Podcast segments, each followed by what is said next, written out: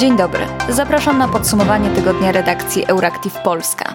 Nazywam się Patrycja Goski i opowiem Wam, co działo się w tym tygodniu na świecie. Dzisiaj będzie między innymi o relacjach polsko-ukraińskich oraz wydarzeniach w Górskim Karabachu.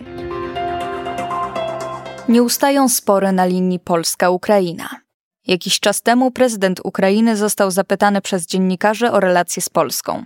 Pomagasz Ukrainie albo Rosji? W tej wojnie nie będzie mediatorów. Osłabiając pomoc dla Ukrainy, wzmocnisz Rosję. Jeśli ktoś chce zaryzykować w porządku, niech osłabi pomoc dla Ukraińców. Ale mówiąc szczerze i uczciwie, musimy walczyć o wolność, demokrację, prawa człowieka. Odpowiedział Załęski. Premier Mateusz Morawiecki jasno zwrócił się w stronę prezydenta Ukrainy. Obrona polskiego dobrego imienia jest nie tylko moim obowiązkiem i honorem, ale jest także najważniejszym zadaniem rządu Rzeczpospolitej. Będziemy bronić w obecnym kontekście geopolitycznym wszystkich naszych racji i wiemy, jak te racje należy ukształtować, powiedział Morawiecki w trakcie spotkania wyborczego w Świdniku. Pomimo zgrzytów w relacji, prezydent Polski prosił Polaków podczas dziewiątych dożynek prezydenckich, aby winą za kłopoty wynikające z napływu zbóż z Ukrainy na krajowy rynek nie obarczać przebywających w Polsce Ukraińców.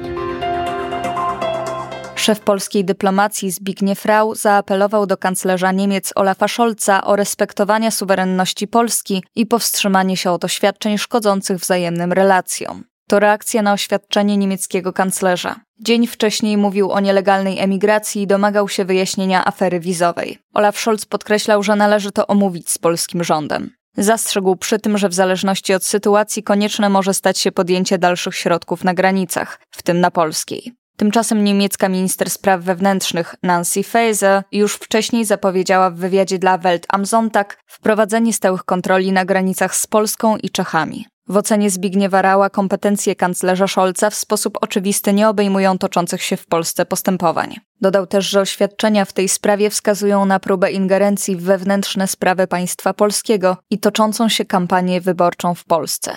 W imię dobrych stosunków dwustronnych apeluje do kanclerza Niemiec o respektowanie suwerenności Polski i powstrzymanie się od oświadczeń szkodzących naszym wzajemnym relacjom. Napisał w niedzielę wieczorem szef polskiego Ministerstwa Spraw Zagranicznych w mediach społecznościowych. Do tej pory Polska złożyła do unijnego Trybunału sześć skarg na pewne elementy pakietu Fit for 55, który zakłada ograniczenie emisji w Unii Europejskiej o co najmniej 55% do 2030 roku. Elementy zaskarżone przez Polskę to zakaz rejestracji pojazdów spalinowych po 2035 roku, podwyższenie unijnego celu redukcji emisji gazów cieplarnianych oraz kwestia ingerencji w gospodarkę leśną krajów członkowskich. Aż trzy skargi dotyczą albo wiążą się z unijnym systemem handlu emisjami, w skrócie ETS. Trybunał Sprawiedliwości Unii Europejskiej oddalił wniosek Polski o zastosowanie środka tymczasowego, który towarzyszył skardze polskich władz na unijny system handlu emisjami. Polska nie wykazała ryzyka powstania poważnej i nieodwracalnej szkody, jaka miałaby powstać wskutek stosowania tej decyzji.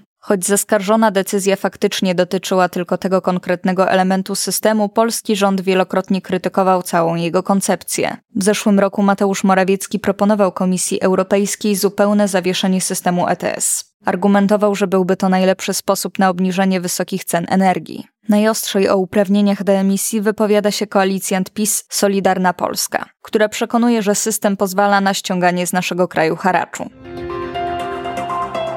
Umowa na zaprojektowanie pierwszej polskiej elektrowni atomowej została podpisana 27 września przez spółki Polskie Elektrownie Jądrowe, Westinghouse i Bechtel. Pierwsza polska elektrownia atomowa powstanie w Lubiatowie Kopalinie w gminie Choczewo w województwie pomorskim. Elektrownia zostanie wybudowana przez amerykańską firmę Westinghouse i będzie składać się z trzech bloków. Na potrzeby projektowe Westinghouse zawiązało konsorcjum z inną amerykańską firmą Bechtel. Budowa elektrowni ma rozpocząć się w 2026 roku. Pierwszy blok o mocy 1250 MW brutto ma według planu zostać oddany do użytku w 2033 roku. W sumie elektrownia ma mieć moc 3750 MW. Koszt realizacji projektu wedle szacunków prądu ma wynieść ponad 100 miliardów złotych. Podczas pobytu prezydenta Ukrainy w Kanadzie w trakcie spotkania w parlamencie zgotowano owację dla Jarosława Hunki. Jarosław Hunka to 98-letni ukraiński emigrant, który walczył przeciwko Sowietom. Nazwano go ukraińskim i kanadyjskim bohaterem. Jak się okazało, służył w nazistowskiej dywizji SS Galicjen.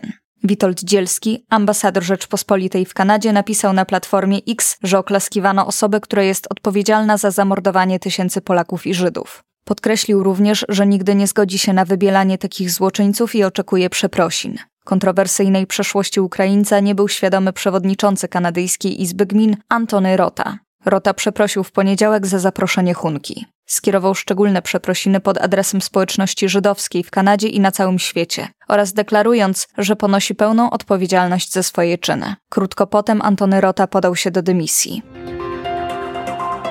Rośnie liczba Ormian, którzy opuszczają Górski Karabach. Z opanowanego przez Azerbejdżan regionu wyjechała już ponad 1 trzecia mieszkańców.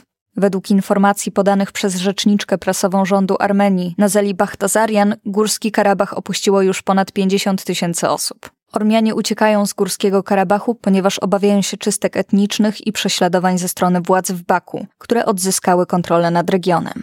Ten przez wieki zamieszkiwany był głównie przez ludność etnicznie ormiańską. Zdecydowana większość Ormian wyjeżdża z Górskiego Karabachu poprzez tzw. Tak korytarz laczyński. Kierują się w stronę miasta Goris. Tamta droga jest bowiem najkrótsza. Taka podróż potrafi trwać jednak prawie dobę, bo w okolicy granicy z Armenią utworzył się gigantyczny korek. W czwartek ogłoszono, że Górski Karabach przestanie istnieć. Prezydent tego kraju, Samuel Szachramanian, podpisał dekret, według którego państwo zostanie rozwiązane od 1 stycznia 2024 roku. To wszystko w dzisiejszym podsumowaniu tygodnia redakcji Euractiv Polska. W imieniu całej redakcji życzymy udanego weekendu. Do usłyszenia za tydzień.